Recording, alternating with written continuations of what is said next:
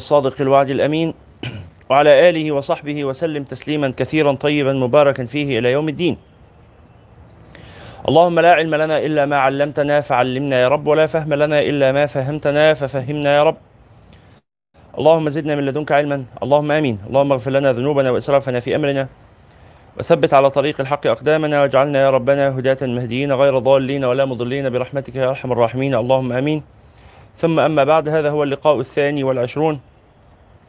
في قراءتنا لكتاب الأذكار للإمام النووي وهو اللقاء الثاني والتسعون في مجالس الحديث. ونسأل الله تعالى أن يعلمنا في هذا اللقاء ما ينفعنا وأن ينفعنا بما علمنا وأن يزيدنا وإياكم من كرمه علما. اللهم آمين. انتهينا في اللقاء السابق من قراءة الكتاب السابع من كتب الأذكار ونبدأ الآن في الكتاب الثامن وهو كتاب أذكار الزكاة.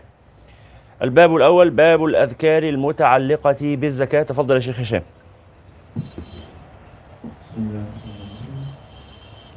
قال الله تعالى خذ من أموالهم صدقة تطهرهم وتزكيهم بها وصل عليهم.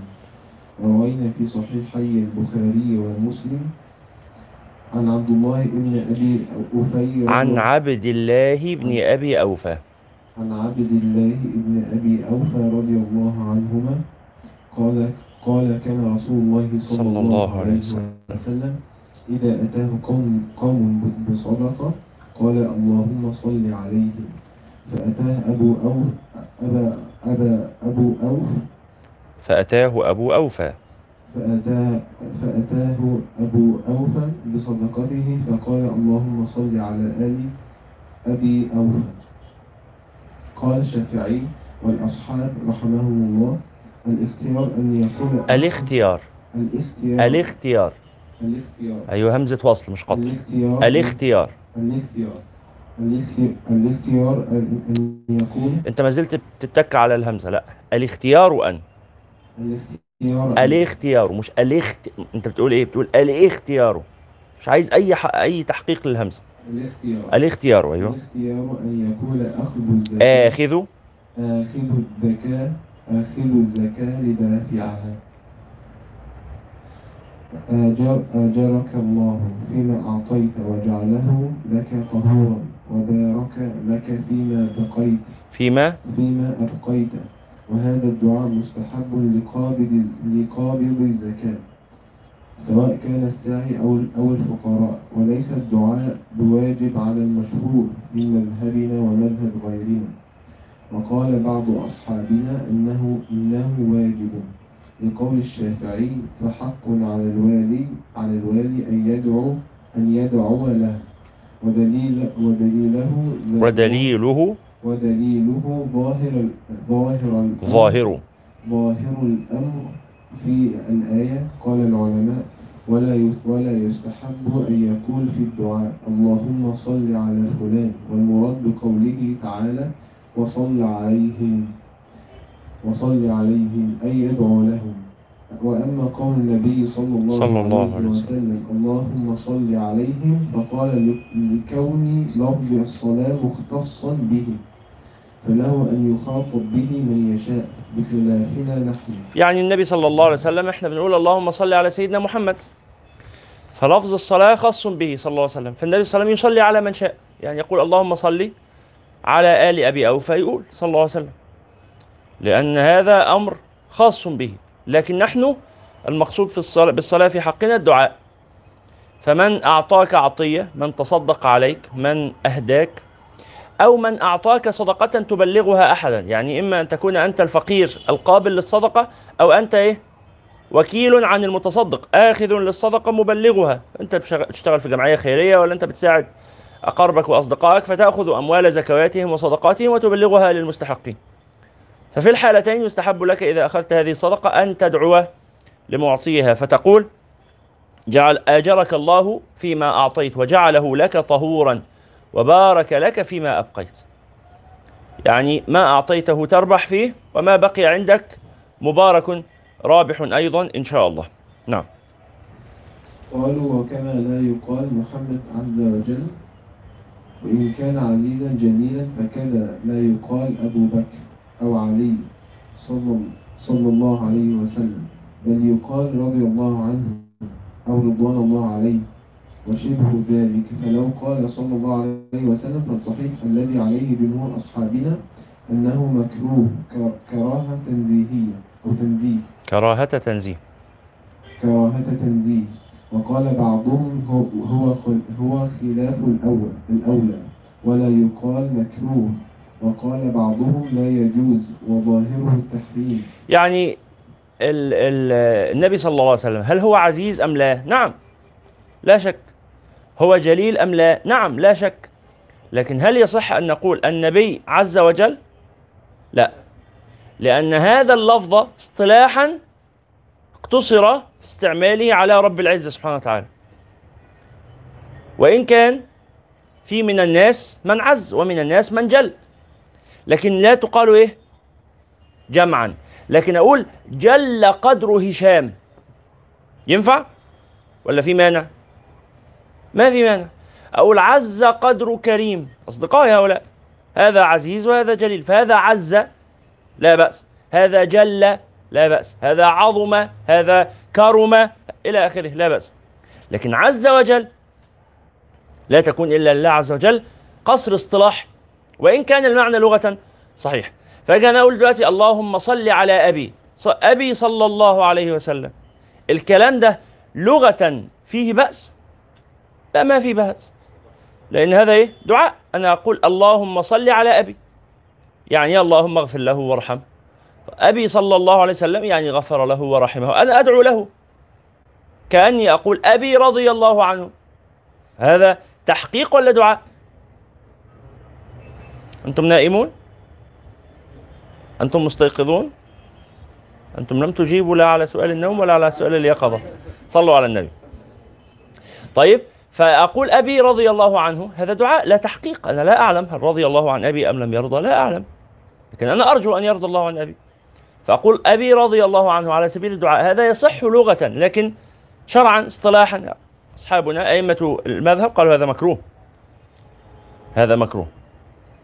ليه؟ لأن هذا اللفظ اقتصر في استعمال هذا الدعاء الخاص رضي الله عنه اقتصر في استعماله على الصحابة رضوان الله عليهم وعلى أئمة الإسلام. على من تلقت الأمة علمهم بالقبول. فالإمام الشافعي رضي الله عنه الإمام أبو حنيفة رضي الله عنه الإمام مالك رضي الله عنه الإمام أحمد رضي الله عنه ماشي. وكل هذا على سبيل الدعاء. لكن أبي رضي الله عنه لا. نعم. وقال بعضهم هو هو خلاف الأولى ولا يقال مك- مكروه. وقال بعضهم طبعا خلاف الأولى ومكروه دي آه، يعني إيه؟ رتب مختلفة في الأحكام ال- الإجمالية. الأحكام الإجمالية خمسة الواجب والمستحب والمباح والمكروه والحرام. فبعض العلماء بيزيد رتب في هذه الأحكام الإجمالية فبيقول لا ده في درجة ما بين المكروه وما بين المستحب المستحب في النص. اللي تحته على طول ما يتقالش عليه مكروه لا في درجة كده في النص اسمها خلاف الأولى. فخلاف الأولى اللي هي حاجة مش كويسة بس ما وصلتش لدرجة الكراهة يعني.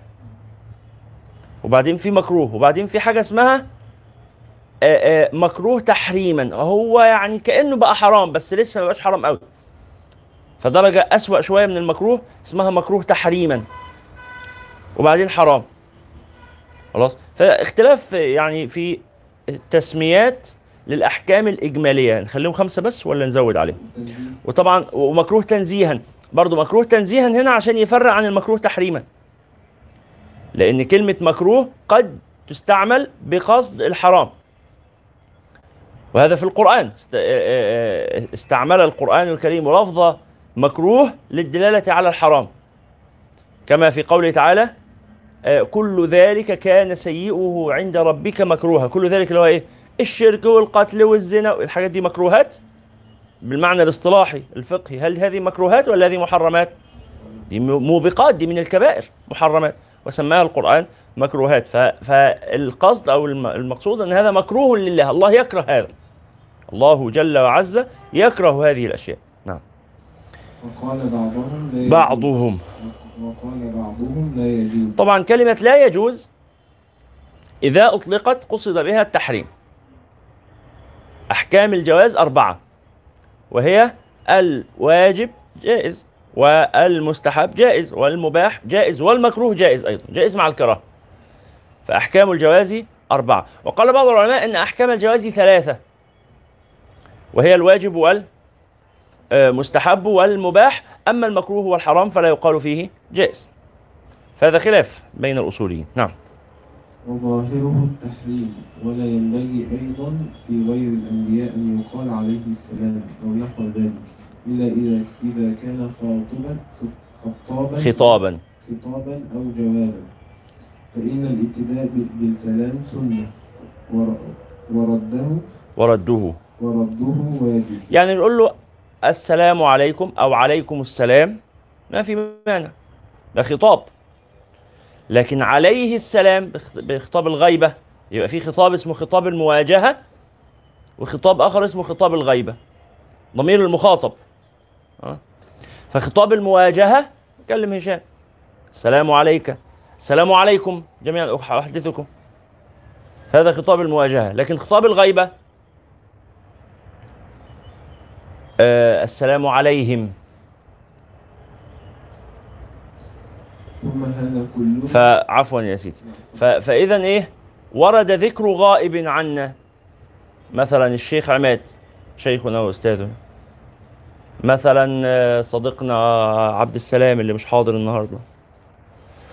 خلاص؟ فافتقدناه. هو فين عبد السلام صحيح؟ الله يرضى عنه. هذا دعاء؟ لا بأس. الله يرضى عنه. اللهم ارضى عنه. لا مانع. فين آه، فين عبد السلام صحيح غايب النهارده؟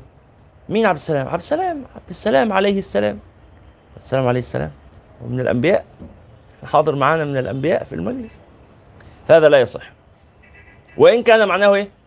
صحيح لأنه إيه الفرق بين عليه السلام وبين السلام عليكم؟ الفرق بس ما فيش فرق في المعنى في فرق بس في الإيه؟ في الاصطلاح. جرى الاصطلاح إنه عليه السلام بخطاب الغيبة كده لا تقال إلا في حق الأنبياء رضوان الله عليهم. نعم. ورده واجب ثم هذا كله في الصلاة والسلام على غير الأنبياء مقصودا. أما إذا جعل تبعا أما إذا جعل. أما إذا جعل تبعا فإنه جائز بلا. بلا خلاف. فيقال اللهم صل على محمد وعلى آله وأصحابه صلى الله عليه وأزواجه وذريته وأتباعه. لأن السلف لم يمتنعوا من هذا بل قد أمرنا به في التشهد وغيره. فبخلاف الصلاة عليه منفردا وقد قدمت ذكر هذا في الفصل مبسوطا وقد قدمت ذكره. وقد وقد قدمت ذكر هذا في الفصل مبسوطا في كتاب الصلاة على النبي صلى الله عليه صلى الله عليه وعلى فصل وصحبه اعلم أن نية الزكاة فصل؟ فصل اعلم أن نية الز- الزكاة واجبة. ونيتها ونيتها تكون بالقلب كغيرها من كغيرها. كغيرها من العبادات. يبقى النية محلها القلب. ول- وللنية سبعة أوجه. عندما نتحدث عن النية نتحدث عنها من سبعة أوجه. نتحدث عن حقيقتها نتحدث عن حكمها نتحدث عن محلها نتحدث عن زمنها نتحدث عن كيفيتها نتحدث عن آه، مقصودها. جمعها القائل في قوله حقيقة حكم محل وزمن كيفية شرط ومقصود حسن. سبعة أوجه. فهنا قال إن, إن محل النية هو القلب. طب لو تلفظ بلسانه لا مانع. لا مانع من التلفظ باللسان مساعدة للقلب. أنا والله قلبي حاسس مش مركز قوي. تشوش كده دماغي سرحان. قوم إيه؟ نويت أصلي صلاة الظهر. أركز كده. يبقى على سبيل مساعدة القلب. التلفظ بالنية مساعدة للقلب. جائز.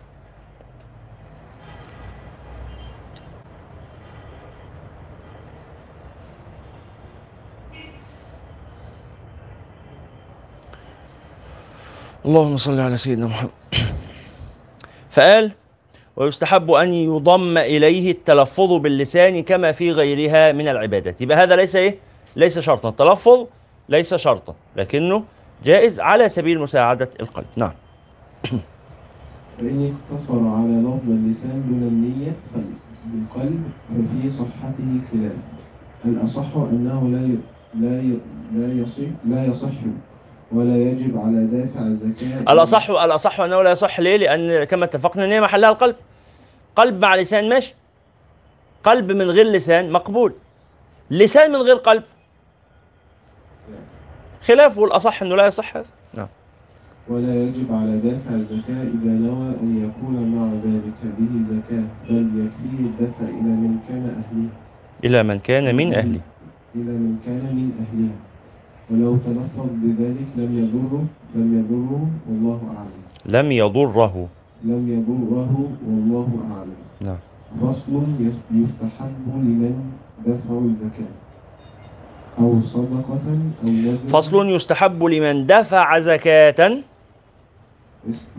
فصل يستحب لمن دفع زكاة أو صدقة أو نذرا أو كفارة ونحو ذلك أن يقول ربنا تقبل منا إنك أنت السميع العليم. آمين.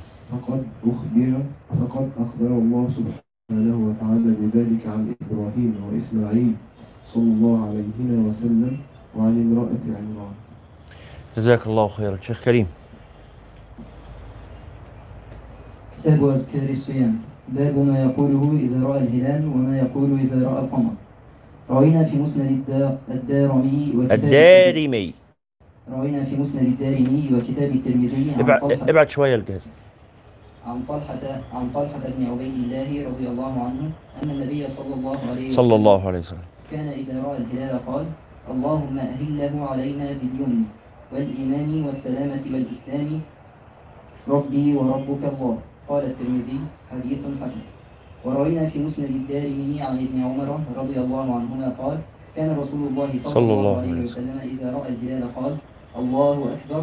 اللهم أهله علينا بالأمن والإيمان والسلامة والإسلام والتوفيق لما تحب وترضى.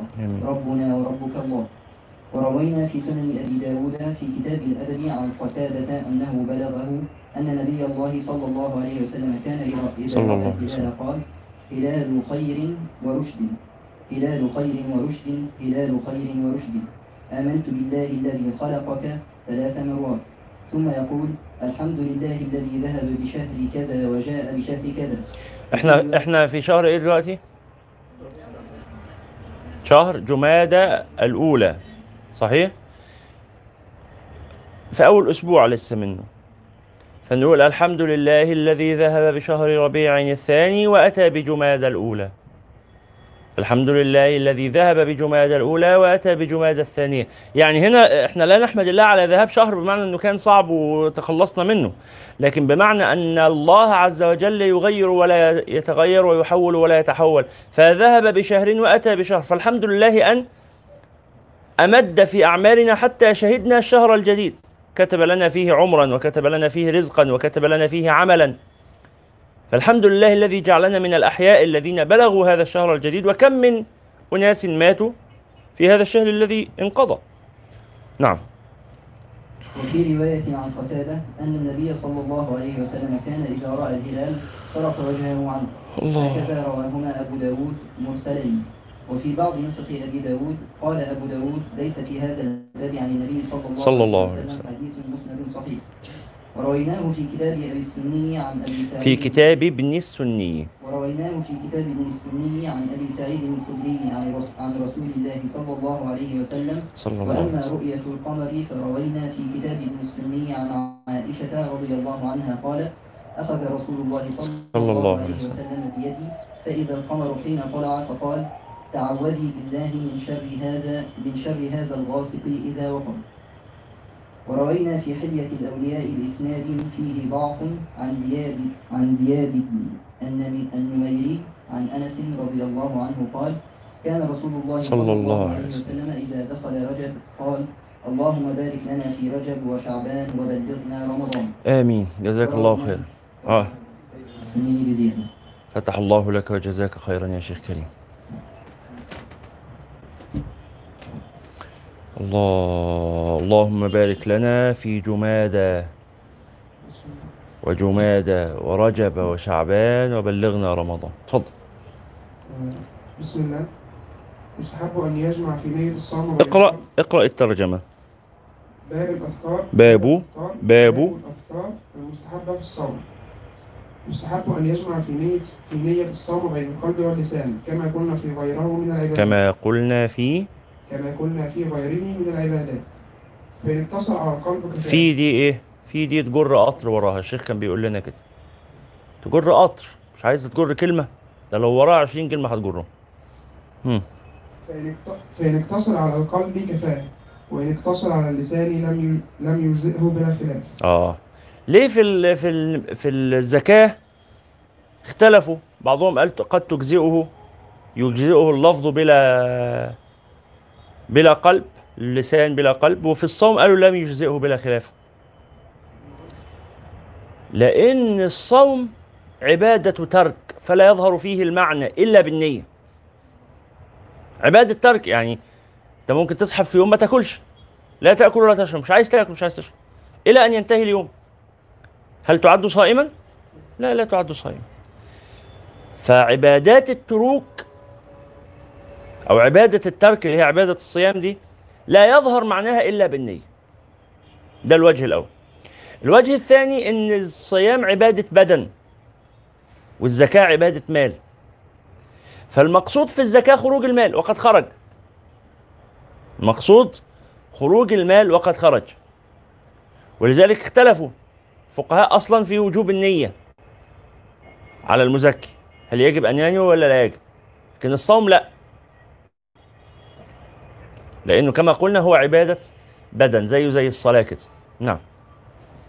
السنة إذا شتمه غيره أو تسافح عليه في حال في حال صومه أن يقول إني صائم مرتين أو أكثر. وروينا في صحيحي البخاري ومسلم طبعا هنا إني صائم دي ما بيقولهاش على سبيل المعايرة أو أو يعني بطريقة تشبه السب. ساعات يقول إيه إني صائم اللهم إني صائم. يعني زي إيه اللهم طولك يا روح كده إني صائم. غور من وش عشان ما أفطرش عليك. ها؟ لا إني صائم يذكر نفسه. يعني أنت صايم راعي أخلاق الصيام. نعم. وروينا في صحيحي البخاري ومسلم عن أبي هريرة رضي الله ومسلم ومسلم عن أبي هريرة رضي الله عنه أن رسول الله صلى الله, صلى الله عليه قال وسلم.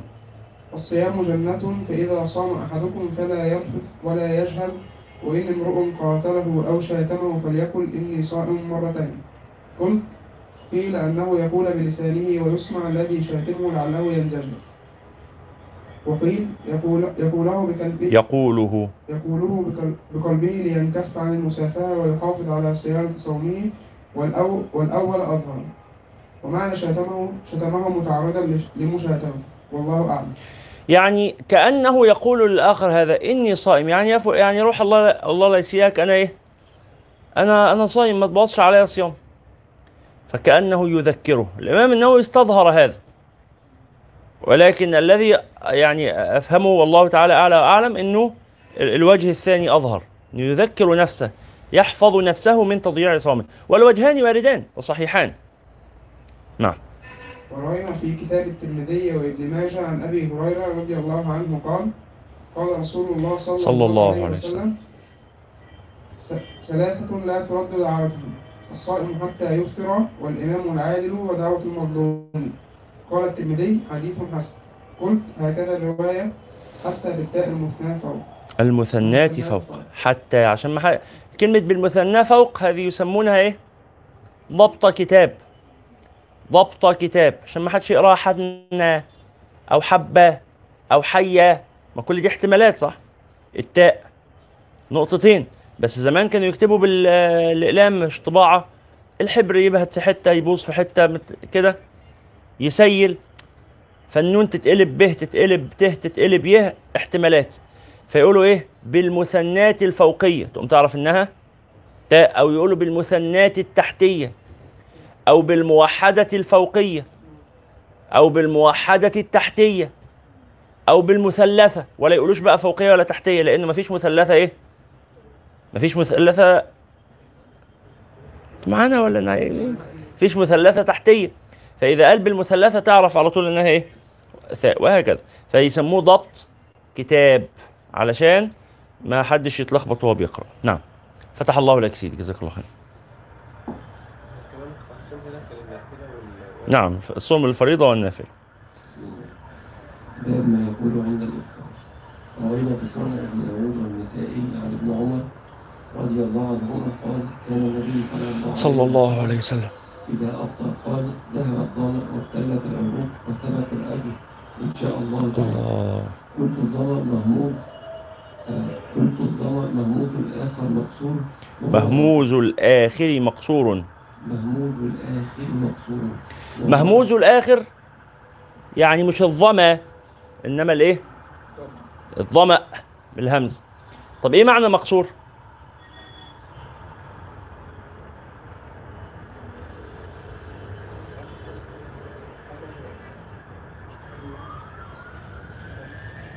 إيه معنى مقصور؟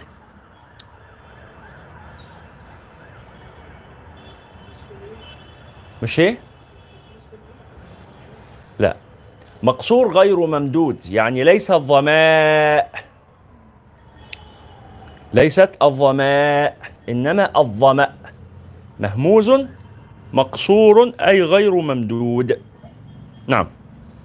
قال الله تعالى ذلك بأنهم لا يصيبهم ظمأ وإنما ذكرت وإنما ذكرت هذا وإن كان ظاهرا لأني رأيت من اشتبه عليه فتوهمه مندوبا. يبقى قال دي معروفة الظمأ. معروف. الناس كلها عارفة الظمأ.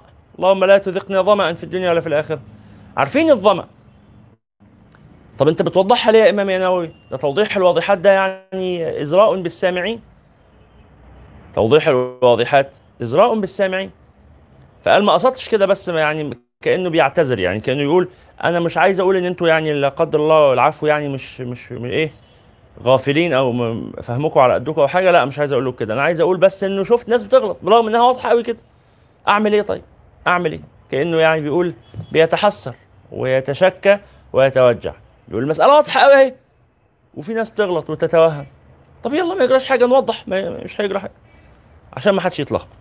فهي مقصورة غير ممدودة. نعم. وروينا في سنن أبي داود عن معاذ بن زهرة أنه بلغه أن النبي صلى الله عليه وسلم كان إذا أفطر قال اللهم لك صمت وعلى رزقك أفطر.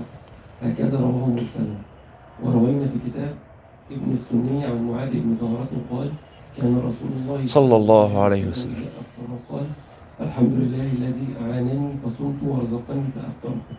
وروينا في كتاب ابن السني عن ابن عباس رضي الله عنهما قال كان النبي صلى الله, صلى الله عليه وسلم. أفطر قال اللهم لك صمنا وعلى رزقك أفطرنا فتقبل منا إنك أنت السميع العليم وروينا في كتاب ابن ماجه وابن السني عن عبد الله بن أبي مليك عن ابن أبي مليكة مليكة مليكة عن عبد الله بن عمر بن العاص رضي الله عنهما قال سمعت رسول الله صلى, صلى الله عليه وسلم. يقول إن للصائم عند عند فطره لدعوة ما قال ابن أبي مليكة سمعت عبد الله بن عمر إذا أفطر يقول اللهم إني أسألك برحمتك التي وسعت كل شيء أن تغفر لي. آمين آمين. فتح الله لك شيخ. جزاك الله خير اتفضل يا سيدي. باب ما يقول إذا أفطر عند قوم. روينا في سنن أبي داود وغيره أبي داوود في سنن أبي داود وغيره بالإسناد الصحيح عن أنس رضي الله عنه. أن النبي صلى الله, صلى الله عليه وسلم. جاء إلى سعد بن عبادة سعد بن عبادة إلى سعد بن عبادة فجاء. فجاء بخبز وزيت فأكل ثم قال النبي صلى الله, صلى الله عليه وسلم أفطر عندكم الصائمون وأكل طعامكم الأبرار.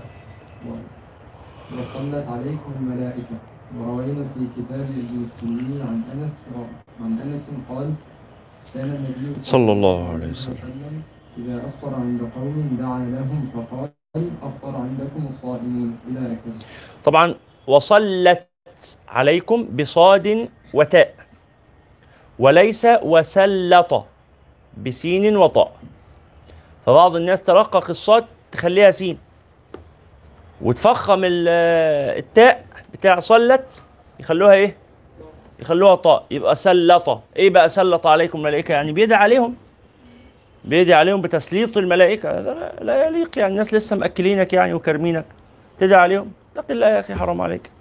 فما تقولوش إيه؟ ما تقولوش صلت إنما تقول له ما تقولوش سلط إنما تقول له صل تقول له صلت. صلت عليكم يعني دعت لكم. نعم. فتح الله لك شيخ. آه، قرأت بابا قصيرا. يلا أكمل.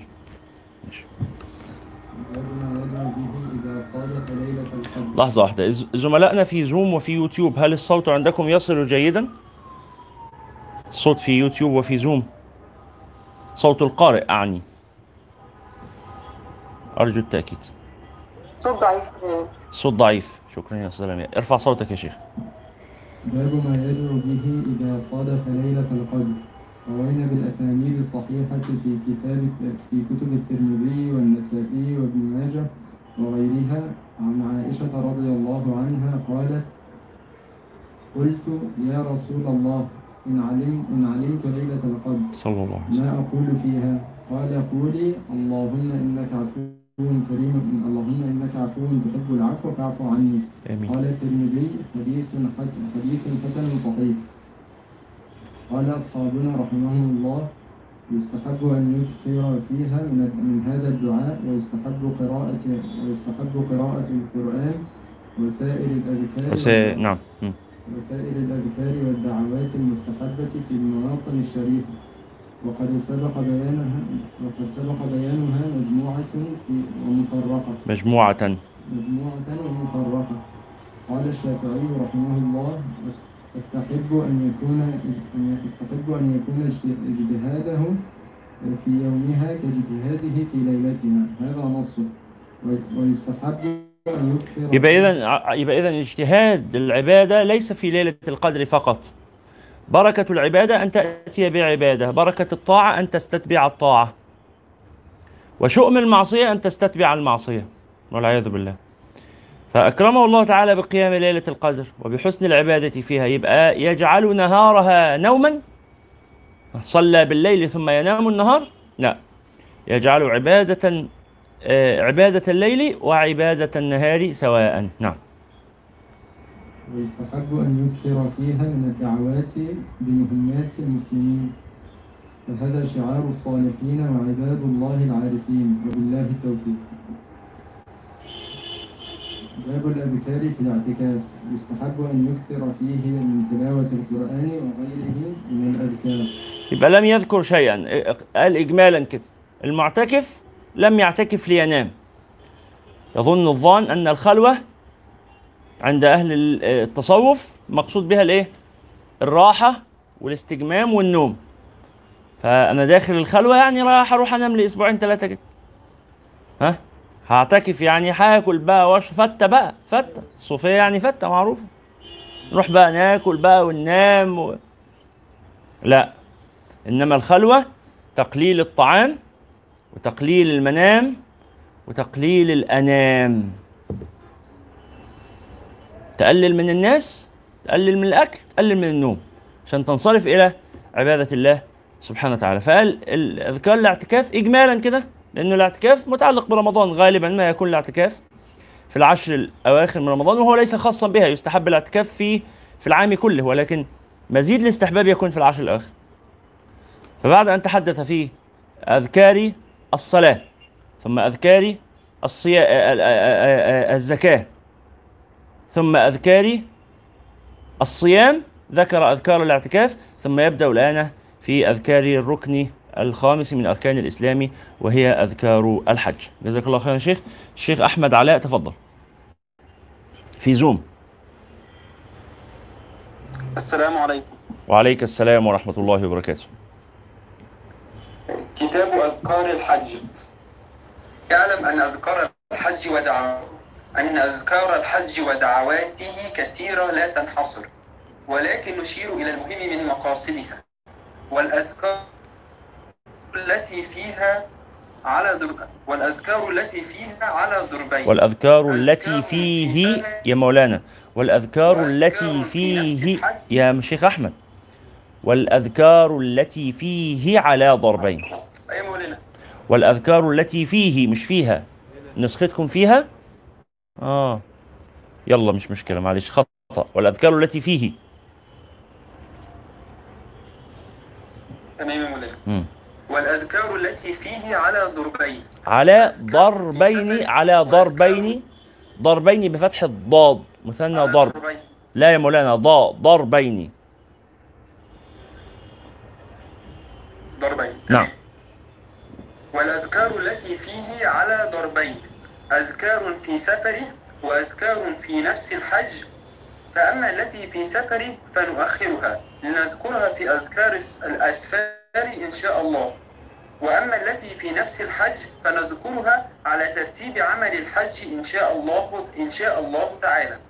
وأحذ وأحذف الأدلة والأحاديث في أكثرها خوفا من طول الكتاب وحصول السآمة على مطالعه. على مطالعه. طويل جدا. على مطالعه.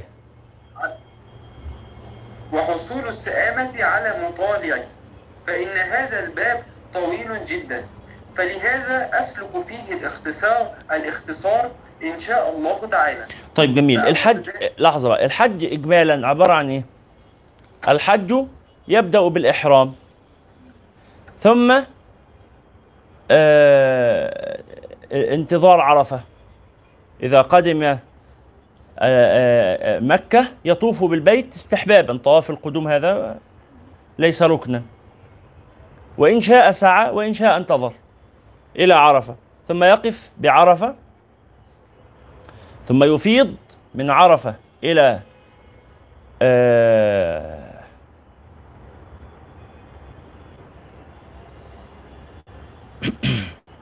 إلى مزدلفة فيبيت بمزدلفة ليلة النحر ثم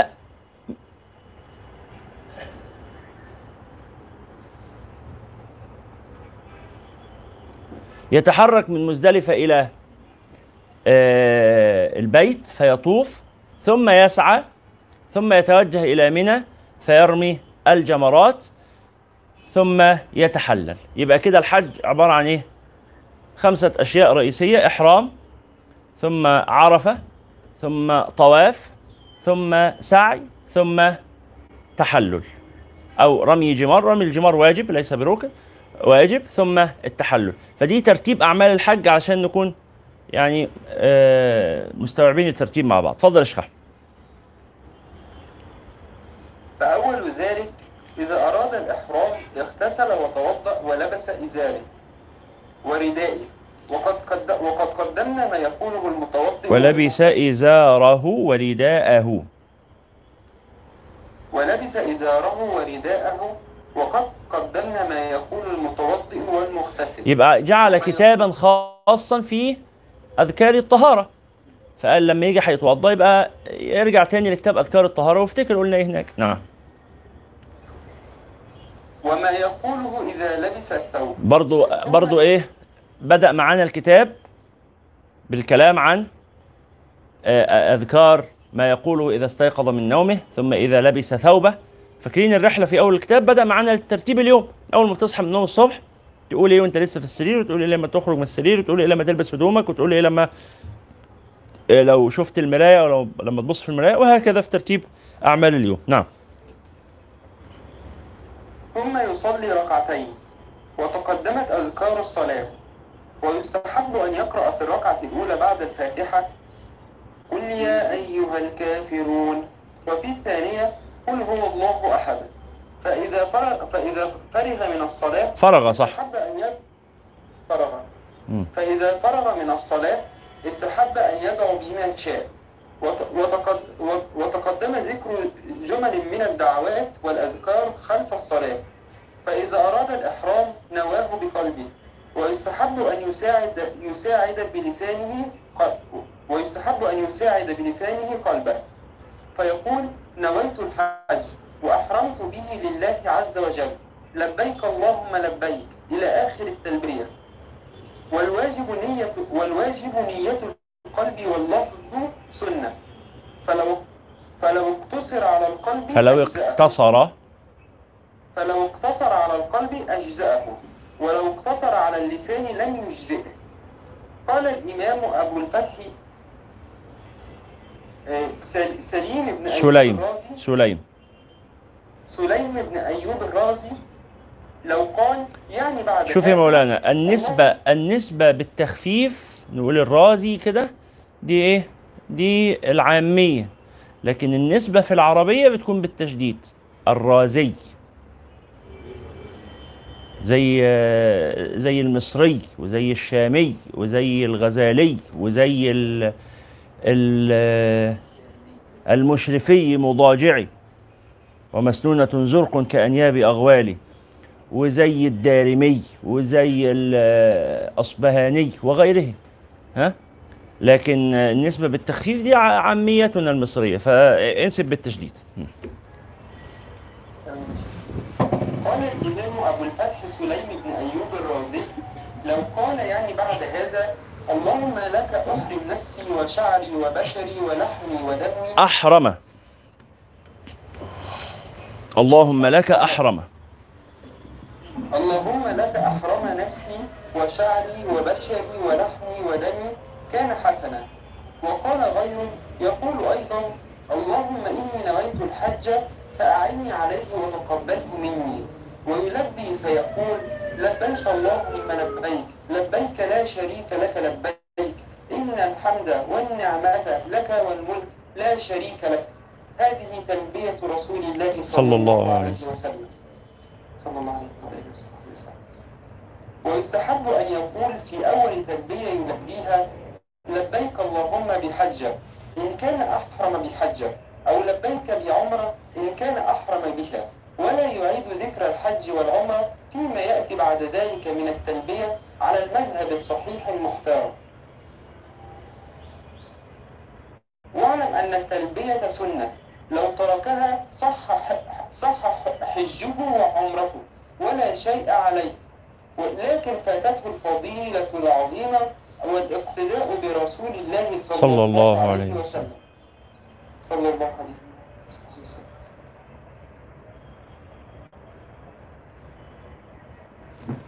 نعم أكمل. هذا هو الصحيح من مذهبنا ومذهب جماهير العلماء. وقد أوجبها بعض أصحابنا واشترطها بصحة الحج بعض واشترطها بصحة الحج بعضهم والصواب الأول لكن تس تس تستحب المحافظة عليها للإقتداء برسول الله صلى الله عليه وسلم. وللخروج من الخلاف والله أعلم. وإذا أحرم عن غيره قال نويت الحج وأحرمت به لله تعالى عن فلان.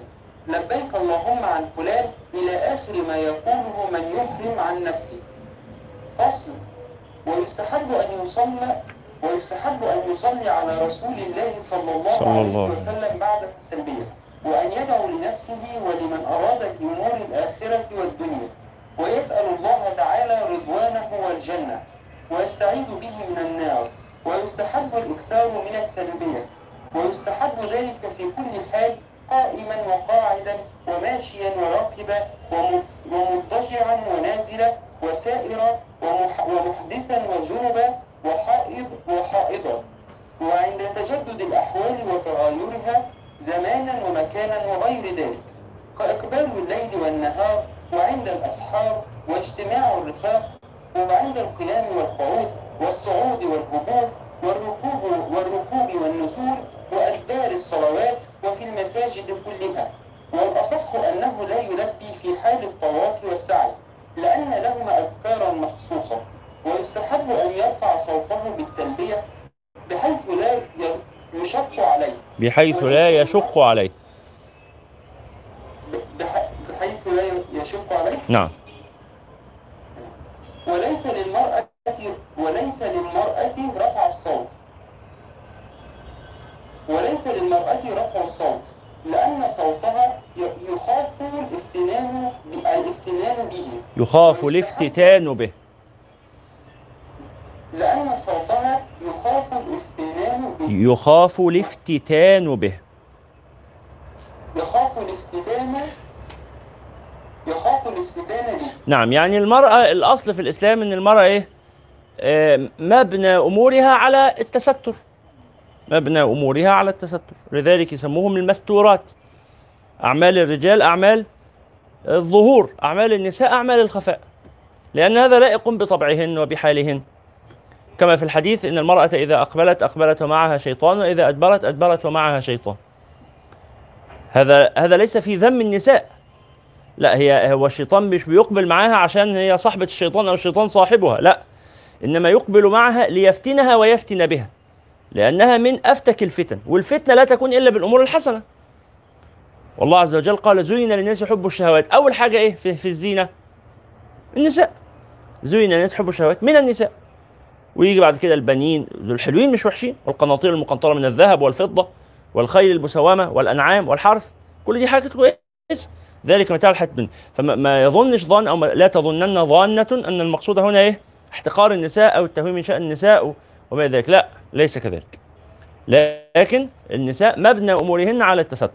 ولذلك يعني حتى هنا مثلا في المجالس النساء إيه؟ لا نجعل القارئة لا نجعل قارئ المجلس امرأة. ليه؟ نحرجها. فلا لا لا نحرجها.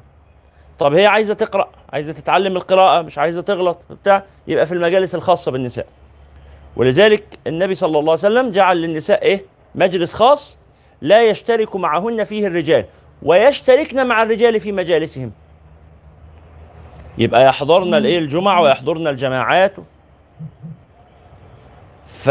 فكأن في تمييز اللي بيسموه التمييز الإيجابي. أن النساء يشتركن مع الرجال في المجالس ولهن مجلس يخصهن لا يشترك معهن الرجال فيه. فساعتها يسألوا ويتكلموا براحتهم. طب لو اتكلمت بحضور الرجال جائز؟ نعم جائز. جائز بس إيه؟ يكون في أضيق الحدود. ولذلك لا يستحب للنساء أو لا يشرع للنساء الأذان أصلا. مش لا يستحب لا لا يشرع. ليس للنساء أذان. وتشرع لهن الإقامة إن كان صوتهن لا يصل إلى الرجال. فلو نساء محصورات واحدة فيهم تقيم الصلاة ليهم هم يسمعوها ما فيش مانع. لكن الأذان المقصود منه إيه؟ دعوة البعيد والمرأة لا يليق بها رفع صوتها. فالمرأة لا ترفع صوتها. وبعدين اختلفوا في رفع المرأة صوتها وهي تصيح في ابنها. نادي عليه ولا بتصرخ في وشه عشان ياكل ولا الحاجات دي. هذا يجوز ولا لا يجوز؟ فقالوا إن بلغ صوتها جيرانها فلا يجوز. طبعا إيه؟ يعني هي صوتها يبلغ آخر الشارع.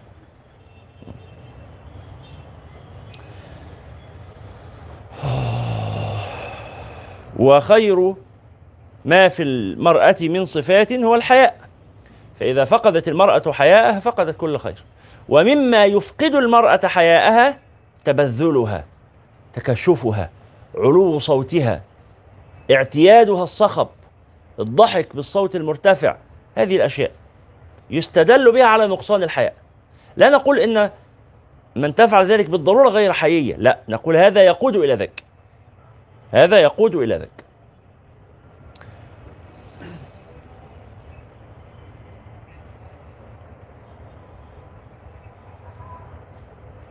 طب المرأة التي آه، آه، جبلتها خلقتها أن صوتها عال.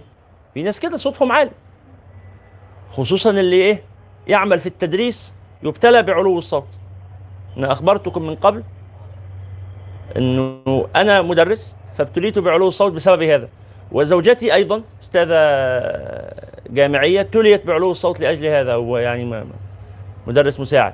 و آه، أمي مدرسة أيضا وابتليت بعلو الصوت وأبي ليس كذلك.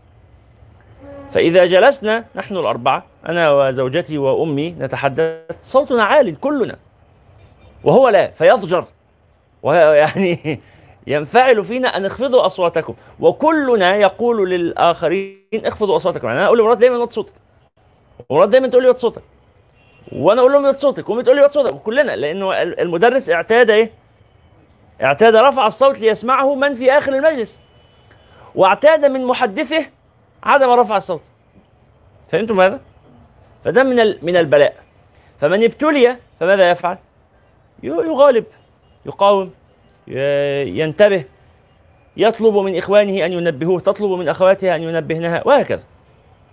لكن لا تدخل في آه، آه، آه، المعنى الذي نتحدث فيه لا تكون يعني لأنها ليست متعمدة فلا يأثم الإنسان على ما لم يتعمده.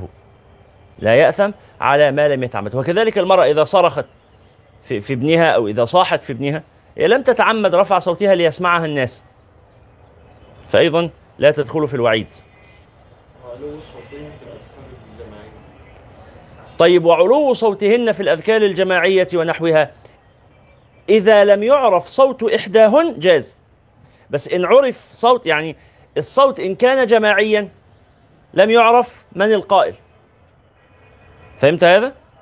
فهنا ما يبقاش زي مسألة مثلا الإيه ال- في الأفراح الزغاريد. يسألوا كتير عن الزغاريد في الأفراح. ما حكم الز... ال- الزغاريد. فهذا جائز إذا لم يعرف من صاحبة الزغرودة. ها؟ النساء. يأتي من عندهن صوت الجلبة. آه. صوتهن صوت إحداهن داخل في صوت الجميع. يبقى لا يحصل لا يحصل الافتتان بأصوات جمع من النساء إنما الافتتان يحصل بصوت إيه؟ واحدة إن ارتفع صوتها. آه دي صوتها ناعم دي صوتها جميل دي دي فلانة أنا عارفها أو ده مين فلانة دي عايز أعرفها؟ ونحو ذلك. إذا لم يعرف هذا يبقى في الجمع لا بأس. نعم.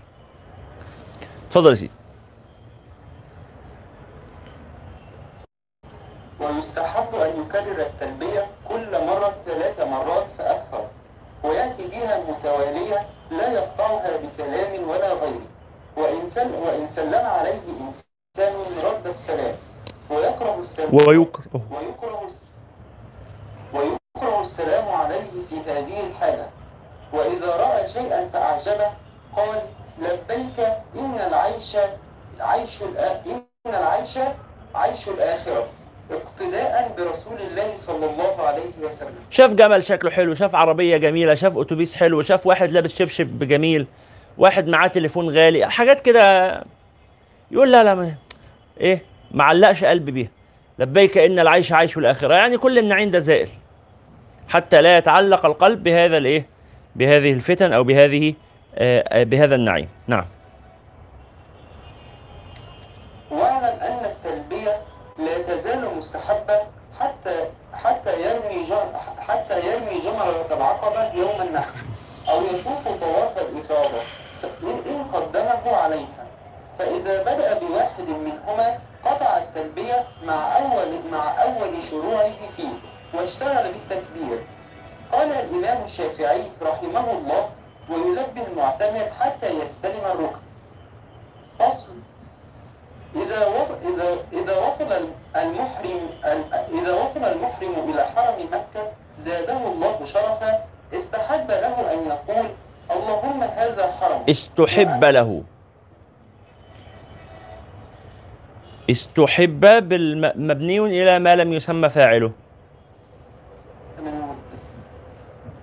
استحب له أن يقول اللهم هذا حرمك وأمنك فحرمني على النار. وأمني من عذابك يوم تبعث يوم تبعث عبادك.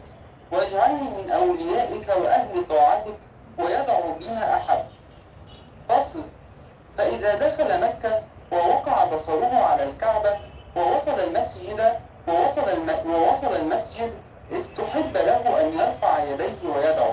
فقد فقد جاء أنه يس- يستجاب دعاء المسلم عند رؤيته الكعبة. ويقول اللهم زد هذا البيت تشريفا وتعظيما وتكريما ومهابة. وز- وزد من وزد من شرفه وكرمه وكرمه ممن حج أو اعتمر تشريفا وتكريما وتعظيما وبرا ويقول اللهم أنت السلام ومنك السلام. حينا ري حينا رينا بالسلام. حينا ربنا. حينا ربنا. آه.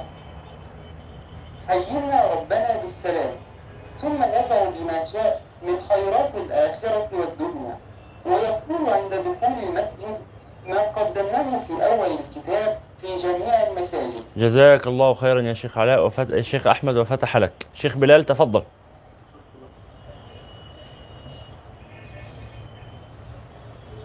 السلام عليكم. وعليك السلام.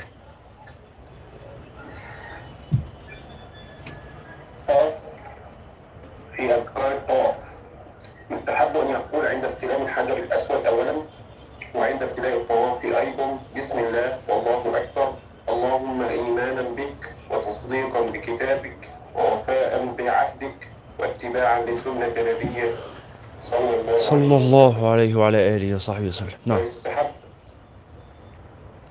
ويستحب أن يكرر أن يكرر هذا الذكر عند محاذاة الحجر الأسود في كل غرفة ويقول في رملة في رملة في الأشواط في رمله. ويقول في رمله. الرمل اللي هو الإسراع الإسراع بالمشي بين ميلا بين الميلين علامتين. معروفتين في المسعى يستحب الرمل يعني الإسراع بالمشي. نعم. ويقول في رمله في الأشواط الثلاثة اللهم اجعله حجا مبرورا وذنبا مغفورا وسعيا مشكورا. ويقول في الأربعة الباقية اللهم اغفر وارحم واعف عما تعلم وأنت العز الأكرم. اللهم ربنا آتنا في الدنيا حسنة وفي الآخرة حسنة وقنا عذاب النار. قال الشافعي رحمه الله حب ما يقال في الطواف اللهم ربنا آتنا في الدنيا حسنة إلى آخره. قال وأحب أن وأحب أن يقال وأحب وأحب أن يقال في كله ويستحب أن يقول أن يدعو فيما بين طوافه بما أحب من دين ودنيا ولو دعا واحد وأمن جماعة فحسن. مرة أخرى قال الشافعي رحمه الله قال الشافعي تمام. قال الشافعي آه، اللهم آه، قال الشافعي رحمه الله أحب ما يقال أحب أحب ما يقال. أحب ما يقال. أحب ما يقال في الطواف. اللهم ربنا آتنا في الدنيا حسنة إلى آخره. قال وأحب أن وأحب أن يقال في كله. قال وأحب وأحب وأحب أن يقال في كله. يعني في كل الطواف أو في كل الحج. اللهم ربنا آتنا في الدنيا حسنة وفي الآخرة حسنة وقنا عذاب النار. قال أحب أن يقول هذا الدعاء في كل الحج أو في كل الطواف. نعم. ويستحب أن يدعو فيما بين طوافه بما أحب من دين ودنيا. ولو دعا واحد وأمن جماعة فحسن. وحكي عن الحسن رحمه الله. أن الدعاء يستجاب هناك في خمسة عشر موضعا في الطواف وعند الملتزم وتحت الميزان وفي البيت وعند زمزم وعلى الصفا والمروة وفي المسعى وخلف المقام وفي عرفات وفي المزدلفة وفي منى وعند الجمرات الثلاث فمحروم من لا يجتهد في الدعاء فيها. ومذهب الشافعي وجماهير أصحابه أنه يستحب قراءة القرآن في الطواف لأنه موضع ذكر وأفضل الذكر قراءة القرآن. واختار أبو عبد الله الحليمي من كبار أصحاب الشافعي أنه لا يستحب قراءة القرآن فيه. والصحيح هو الأول. قال أصحابنا والقراءة أفضل من الدعوات غير المأثورة. وأما المأثورة فهي أفضل من القراءة على الصحيح. وقيل القراءة أفضل منها. قال الشيخ أبو محمد الجويني رحمه الله يستحب أن يقرأ في أيام الموسم ختمة في طوافه فيعظم أجرها والله أعلم. الشيخ أبو محمد الجويني هو أبو إمام الحرمين. عبد الملك الجويني رضي الله تعالى عنه وأرضاه. نعم. فقال يستحب أن يقرأ في أيام الموسم ختمة في طوافه فيعظم أجرها. يعني طبعا في طوافه مش معناها في الطواف الواحد. طواف الواحد سبعة أشواط لا يكفي ختمة. لكن يعني يكرروا إيه؟ يكرروا الطواف. ويستحب والطواف المطلق مستحب في في أي وقت. الطواف ك كالصلاة. ففي طواف الركن اللي هو سبعة أشواط لا يصح الحج إلا به. ثم بعد أن يتحلل خلاص بيلبس ثيابه العادية وتحلل من حجته من تحلل من إحرامه ثم إيه؟ يطوف ما شاء. بعد كل صلاة يطوف سبع أشواط. يطوف في اليوم خمس مرات عشر مرات على قد ما يقدر يعني كل ما يقدر يطوف. فهذا إيه؟ الطواف المطلق. نعم. وتحية المسجد هي الطواف. تحية المسجد الحرام ليست الصلاة إنما تحية المسجد الحرام هي الطواف. نعم. تفضل يا سيدي. ويستحب إذا فرغ من الطواف ومن صلاة ركعتي الطواف أن يدعو بما أحب. ومن الدعاء المنقول فيه اللهم أنا عبدك وابن عبدك أتيتك بذنوب كبيرة وأعمال سيئة وهذا مقام العائد بك من النار. فاغفر لي إنك أنت الغفور الرحيم. فصل في الدعاء في الملتزم وهو ما بين الكعبة والحجر الأسود. وقد قدمنا أنه يستجاب فيه الدعاء- ومن الدعوات المأثورة اللهم لك الحمد حمدا يوافي نعمك ويكافئ مزيدك. أحمدك بجميع محامدك وما علمت منها وما لم أعلم على جميع نعمك. ما علمت منها وما لم أعلم. وعلى كل حال اللهم صل على سيدنا اللهم صل وسلم على محمد وعلى آل محمد. اللهم أعذني من الشيطان الرجيم. وأعذني من كل سوء. وقنعني بما رزقتني. وبارك لي فيه. اللهم اجعلني من أكرم من أكرم وفدك. وفدك عليك. وألزمني سبيل الاستقامة حتى ألقاك يا رب العالمين ثم يدعو بما أحب. آمين. فتح الله لك يا سيدي وجزاك خيرا كثيرا. وبارك فيك. والآن نقرأ ال- الوظيفة الصباحية عشان لو حد فاتته يعني تفوتوش قبل ما يأذن الظهر. ثم نعود فنواصل القراءة.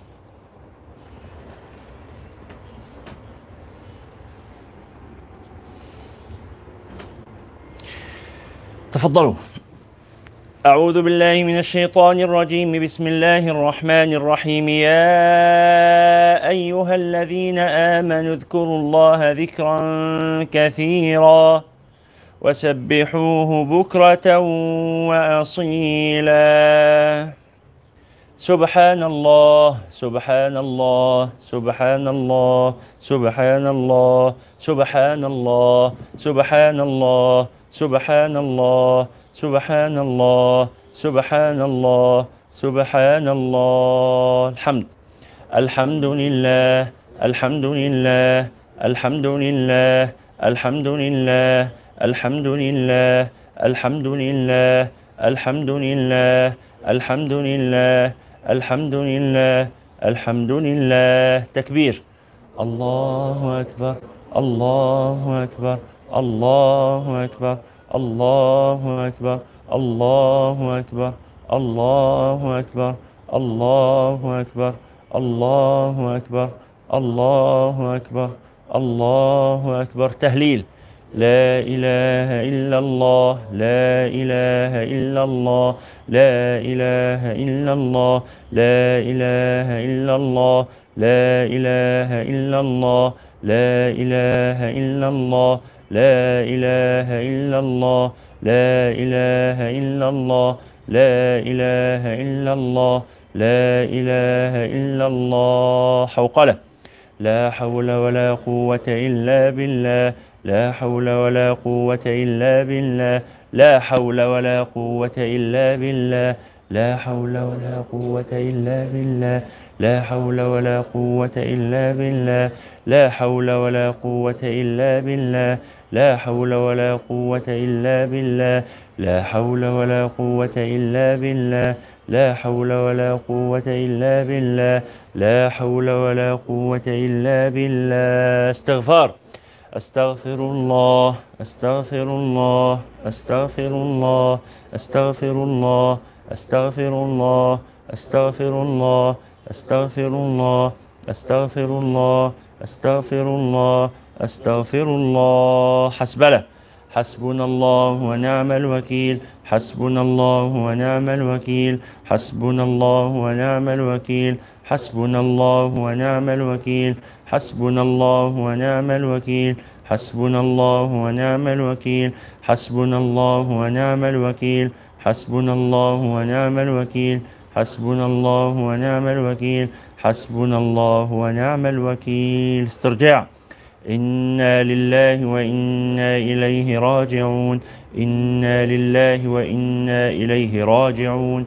إنا لله وإنا إليه راجعون. إنا لله وإنا إليه راجعون. إنا لله وإنا إليه راجعون. إنا لله وإنا إليه راجعون إنا لله وإنا إليه راجعون إنا لله وإنا إليه راجعون إنا لله وإنا إليه راجعون إنا لله وإنا إليه راجعون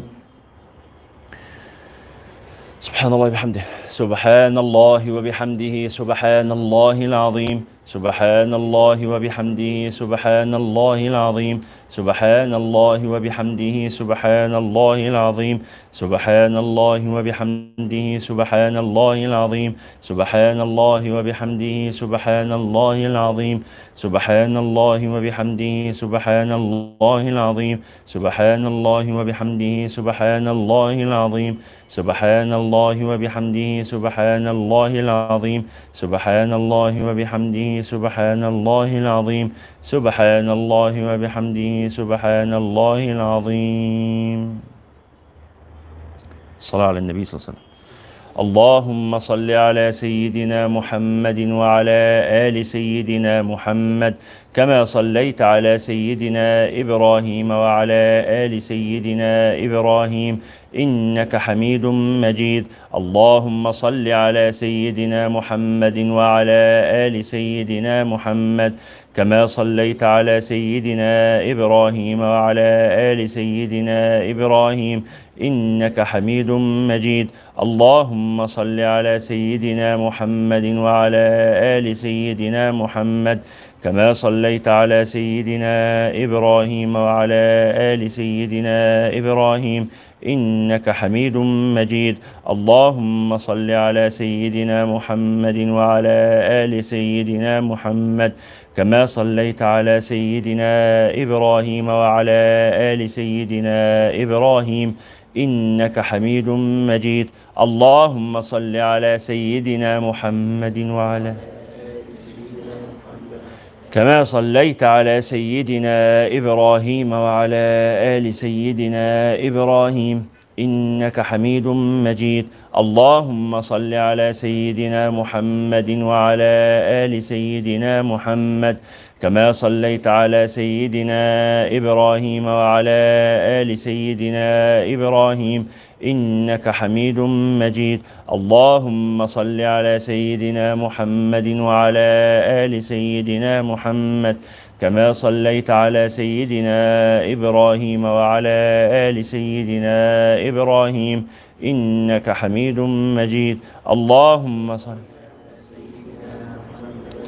على آل سيدنا محمد كما صليت على سيدنا إبراهيم وعلى آل سيدنا إنك حميد مجيد. اللهم صل على سيدنا محمد وعلى آل سيدنا محمد كما صليت على سيدنا إبراهيم وعلى آل سيدنا إبراهيم إنك حميد مجيد. اللهم صل على سيدنا محمد وعلى آل سيدنا محمد كما صليت على سيدنا إبراهيم وعلى آل سيدنا إبراهيم إنك حميد مجيد. أصبحنا وأصبح الملك لله والحمد لله لا شريك له. لا إله إلا هو وإليه النشور.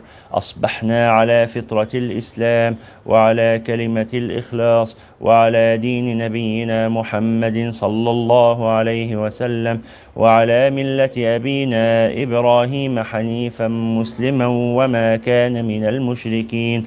اللهم إني أصبحت منك في نعمة وعافية وستر. فأتم علي نعمتك وعافيتك وسترك في الدنيا والآخرة. اللهم إني أصبحت أشهدك وأشهد حملة عرشك وملائكتك وجميع خلقك أنك أنت الله وحدك لا شريك لك وأن محمدا عبدك ورسولك. صل اللهم على سيدنا محمد وعلى آله وصحبه وسلم تسليما كثيرا. بسم الله الرحمن الرحيم. قال الشيخ رحمه الله فصل في أذكار السعي. قال قد تقدم أنه يستجاب الدعاء فيه والسنة أن يطيل القيام على الصفا ويستقبل الكعبة فيكبر ويدعو فيقول الله أكبر الله أكبر الله أكبر ولله الحمد. الله أكبر على ما هدانا والحمد لله على ما أولانا. لا إله آه أستغفر الله. طيب. آه، فصل في الدعاء في الحجر. قال بكسر الحاء وإسكان الجيم وهو محسوب من البيت. وقد قدمنا أنه يستحب الدعاء فيه ومن الدعاء المأثور فيه يا رب أتيتك من شقة بعيدة مؤملا معروفك فأنلني معروفا من معروفك تغنيني به عن معروف من سواك يا معروفا بالمعروف. فصل في الدعاء في البيت. قد قدمنا أنه يستجاب الدعاء فيه وروينا في كتاب النسائي عن أسامة بن زيد رضي الله عنهما أن رسول الله صلى الله عليه وسلم لما دخل البيت أتى من استقبل أتى ما استقبل من دبر الكعبة فوضع وجهه وخده عليه. وحمد الله تعالى وأثنى عليه وسأله واستغفره ثم انصرف إلى كل ركن من أركان الكعبة فاستقبله بالتكبير والتهليل والتسبيح والثناء على الله عز وجل والمسألة والاستغفار ثم خرج. قال فصل في أذكار السعي قد تقدم أنه يستجاب الدعاء فيه والسنة أن يطيل القيام على الصفا ويستقبل الكعبة فيكبر ويدعو فيقول الله أكبر الله أكبر الله أكبر. والحمد لله. الله أكبر على ما هدانا والحمد لله على ما أولانا. لا إله إلا الله وحده لا شريك له له الملك وله الحمد. يحيي ويميت بيده الخير وهو على كل شيء قدير. لا إله إلا الله. أنجز وعده ونصر عبده وهزم الأحزاب وحده. لا إله إلا الله ولا نعبد إلا إياه. مخلصين له الدين ولو كره الكافرون. اللهم إنك قلت ادعوني يستجب لكم وإنك لا تخلف الميعاد. وإني أسألك كما هديتني للإسلام ألا تنزعه مني حتى تتوفاني وأنا مسلم. ثم يدعو بخيرات الآخرة والدنيا ويكرر هذا الدعاء والذكر ثلاث مرات ولا يلبي. وإذا وصل إلى المروة رقى عليها يعني صعد صعد الجبل. وقال الأذكار وقال الأذكار والدعوات التي قالها على الصفا. قال وروينا عن ابن عمر رضي الله عنهما أنه كان يقول على الصفا اللهم اعصمنا بدينك وطواعيتك وطواعية رسولك صلى الله عليه وسلم وجنبنا حدودك. اللهم اجعلنا نحبك ونحب ملائكتك وأنبياءك ورسلك ونحب عبادك الصالحين. اللهم حببنا إليك وإلى ملائكتك وإلى أنبيائك ورسلك وإلى عبادك الصالحين. اللهم يسرنا لليسرى وجنبنا العسرى. قولوا آمين. واغفر لنا في الآخرة والأولى واجعلنا من أئمة المتقين. آمين. ويقول في ذهابه ورجوعه بين الصفا والمروة رب اغفر وارحم وتجاوز عما تعلم إنك أنت الأعز الأكرم. قولوا آمين. اللهم آتنا في الدنيا حسنة وفي الآخرة حسنة وقنا عذاب النار. مع كل دعاء قولوا آمين. ومن الأدعية المختارة في السعي وفي كل مكان اللهم يا مقلب القلوب ثبت قلبي على دينك. اللهم إني أسألك موجبات رحمتك وعزائم مغفرتك والسلامة من كل إثم والفوز بالجنة والنجاة من النار. اللهم إني أسألك الهدى والتقى والعفاف والغنى. اللهم إني على ذكرك وشكرك وحسن عبادتك. اللهم إني أسألك من الخير كله ما علمت منه وما لم أعلم. وأعوذ بك من الشر كله ما علمت منه وما لم أعلم. وأسألك الجنة وما قرب إليها من قول أو عمل. وأعوذ بك من النار وما قرب إليها من قول أو عمل. قال ولو قرأ القرآن كان أفضل. وينبغي أن يجمع بين هذه الأذكار والدعوات والقرآن. فإن أراد الاقتصار أتى بالمهم. يبقى إذا لم تستطع فعل الجميع فافعل ما تستطيع. تذكرون في أول قراءتنا لكتاب الأذكار قلنا ماذا؟ لن نستطيع, لن يستطيع أحد أن يأتي بهذه الأذكار كلها دائما. أنك تنتظم وتواظب على كل هذه الأذكار دائما هذا لا يستطيع أحد غالبا. لكن نحتاج إلى اتفاق الاتفاق على أمرين. ما هما؟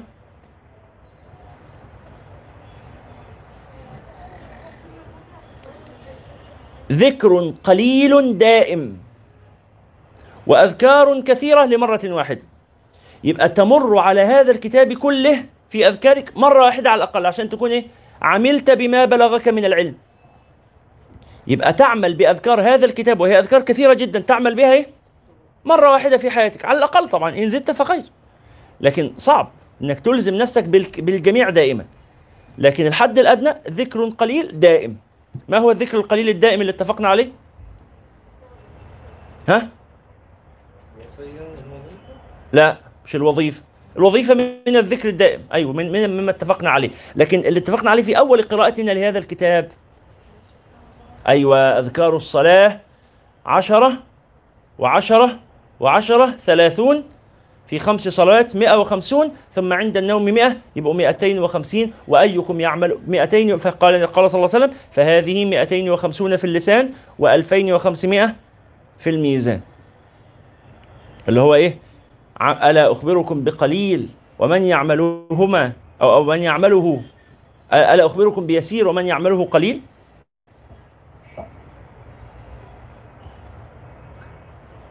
صلى الله على محمد صلى الله عليه وسلم. قال فصل في الأذكار التي يقولها في خروجه من مكة إلى عرفات يستحب إذا خرج من مكة متوجها إلى منى أن يقول اللهم إياك أرجو ولك أدعو فبلغني صالح أملي واغفر لي ذنوبي وامن علي بما مننت به على أهل طاعتك إنك على كل شيء قدير. وإذا سار من منى إلى عرفة استحب أن يقول, أن يقول اللهم إليك توجهت اللهم إليك توجهت ووجهت ووجهك الكريم أردت فاجعل ذنبي مغفورا وحجي مبرورا وارحمني ولا تخيبني إنك على كل شيء قدير. ويلبي ويقرأ القرآن ويكثر من, من سائر الأذكار والدعوات. ومن قوله اللهم آتنا في الدنيا حسنة وفي الآخرة حسنة وقنا عذاب النار. فصل في الأذكار والدعوات المستحبات بعرفات. قد قدمنا في أذكار العيد حديث النبي صلى الله عليه وسلم قال خير الدعاء يوم عرفة. وخير ما قلت أنا والنبيون من قبلي لا إله إلا الله وحده لا شريك له له الملك وله الحمد وهو على كل شيء قدير. فيستحب الإكثار من هذا الذكر والدعاء ويجتهد في ذلك فهذا اليوم أفضل أيام السنة للدعاء وهو معظم الحج ومقصوده هو المعول عليه. فينبغي أن يستفرغ الإنسان وسعه في الذكر والدعاء وفي قراءة القرآن وأن يدعو بأنواع الأدعية ويأتي بأنواع الأذكار. ويدعو ويذكر في كل مكان ويدعو منفردا ومع جماعة ويدعو لنفسه ووالديه وأقاربه ومشايخه وأصحابه وأصدقائه وأحبابه وسائر من أحسن إليه وجميع المسلمين. وليحذر كل الحذر من التقصير في ذلك كله فإن هذا اليوم لا يمكن تداركه بخلاف غيره. ولا يتكلف السجع في الدعاء فإنه يشغل القلب ويذهب الانكسار والخضوع والافتقار والمسكنة والذلة والخشوع. ولا بأس بأن يدعو بدعوات محفوظة معه له ولغيره مسجوعة إذا لم يشتغل بتكلف ترتيبها ومراعاة إعرابها. يعني إذا حافظ دعاء مسجوع ماشي يقوله بس إيه؟ بشرط حضور القلب. والسنة أن يخفض صوته بالدعاء ويكثر من الاستغفار والتلفظ بالتوبة من جميع المخالفات مع الاعتقاد بالقلب. ويلح في الدعاء ويكرره ولا يستبطئ الإجابة. ويفتتح دعاءه ويختتمه بحمد الله تعالى والثناء عليه سبحانه والصلاة والتسليم على رسول الله صلى الله عليه وسلم وليختمه بذلك وليحرص على أن يكون مستقبل الكعبة وعلى طهارة. قال وروينا في كتاب الترمذي عن علي رضي الله عنه قال أكثر دعاء النبي صلى الله عليه وسلم يوم عرفة في الموقف اللهم لك الحمد كالذي نقول وخيرا مما نقول. اللهم لك صلاتي ونسكي ومحياي ومماتي وإليك مآبي.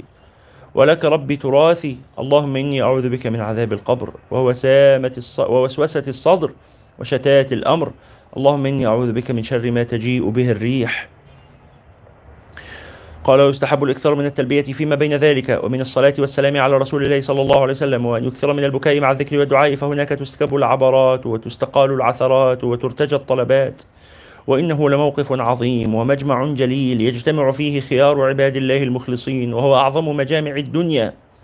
ومن الأدعية المختارة أن يقول اللهم آتنا في الدنيا حسنة وفي الآخرة حسنة وقنا عذاب النار. اللهم إني ظلمت نفسي ظلما كثيرا وإنه لا يغفر الذنوب إلا أنت. فاغفر لي مغفرة من عندك وارحمني إنك أنت الغفور الرحيم. اللهم اغفر لي مغفرة تصلح بها شأني في الدارين. وارحمني رحمة أسعد بها في الدارين وتب علي توبة نصوحا لا أنكثها أبدا وألزمني سبيل الاستقامة لا أزيغ عنها أبدا. اللهم انقلني من ذل المعصية إلى عز الطاعة وأغنني بحلالك عن حرامك وبطاعتك عن معصيتك وبفضلك عمن سواك. ونور قلبي وقبري وأعذني من الشر كله واجمع لي الخير كله. ثم قال فصل في الأذكار المستحبة في الإفاضة من عرفة إلى مزدلفة. قد تقدم أنه يستحب الإكثار من التلبية في كل مواط في كل موطن وهذا من آكدها موطن الإفاضة من عرفات. فإذا أفضتم من عرفات فاذكروا الله. ويكثر من قراءة القرآن ومن الدعاء ويستحب أن يقول لا إله إلا الله والله أكبر ويكرر ذلك ويقول اللهم إليك أرغب وإليك أرجو فتقبل نسكي ووفقني وارزقني فيه من الخير أكثر مما أطلب. ولا تخيبني. إنك الله الجواد الكريم. وهذه الليلة هي ليلة العيد. وقد تقدم في أذكار العيد بيان فضل إحيائها بالذكر والصلاة. وقد انضم إلى شرف الليلة شرف المكان. وكونه في الحرم والإحرام ومجمع الحجيج. وعقب هذه العبادات العظيمة وتلك الدعوات الكريمة في ذلك الموطن الشريف.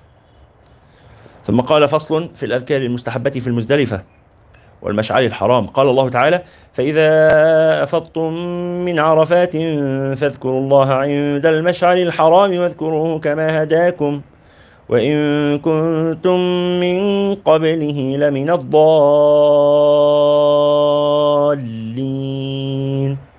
فيستحب الإكثار من الدعاء في المزدلفة في ليلته ومن الدعاء والتلبية وقراءة القرآن فإنها ليلة عظيمة كما قدمنا في الفصل الذي قبله. ومن الدعاء المأثور فيها اللهم إني أسألك أن ترزقني في هذا المكان جوامع الخير كله آمين. وأن تصلح شأني كله وأن تصرف عني الشر كله فإنه لا يفعل ذلك غيرك ولا يجود به إلا أنت. قال وإذا صلى الصبح في هذا اليوم صلاها في أول وقتها وبالغ في تبكيرها حتى ثم يسير إلى المشعر الحرام. وهو جبل صغير في آخر المزدلفة يسمى قزح بضم القاف وفتح الزاي. فإن أمكنه صعوده صعد صعده وإلا وقف تحته مستقبل الكعبة. فيحمد الله تعالى ويكبره ويهلله ويوحده ويسبحه ويكثر من التلبية والدعاء. ويستحب أن يقول اللهم كما, وف كما وقفتنا فيه وأريتنا إياه فوفقنا لذكرك كما هديتنا. واغفر لنا وارحمنا كما وعدتنا. بقولك وقولك الحق فإذا أفضتم من عرفات فاذكروا الله عند المشعر الحرام. واذكروه كما هداكم وإن كنتم من قبله لمن الضالين. ثم أفيضوا من حيث أفاض الناس واستغفروا الله إن الله غفور رحيم. قال ويكثر من قوله ربنا آتنا في الدنيا حسنة وفي الآخرة حسنة وقنا عذاب النار. الله أكبر الله أكبر. نواصل بعد الأذان.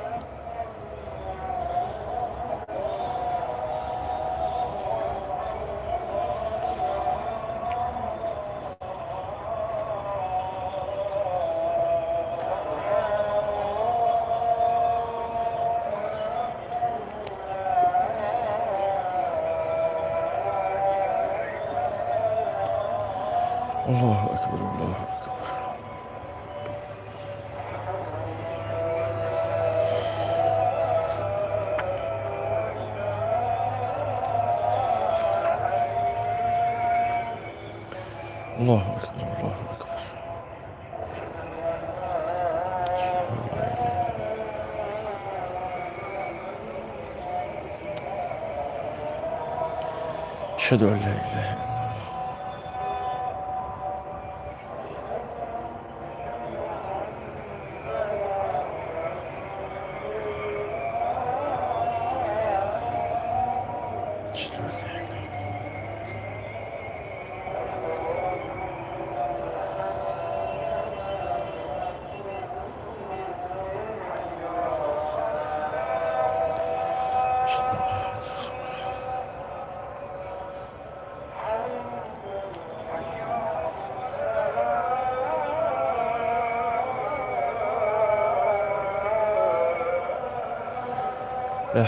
قوة إلا بالله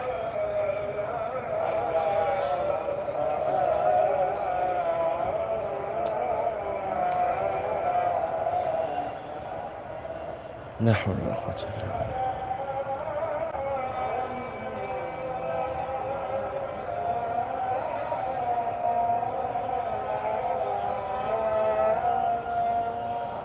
لا حول ولا قوة إلا بالله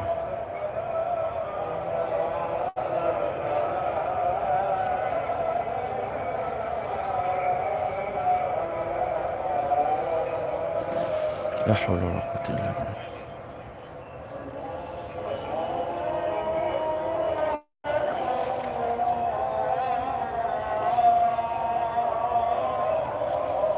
الله أكبر الله أكبر.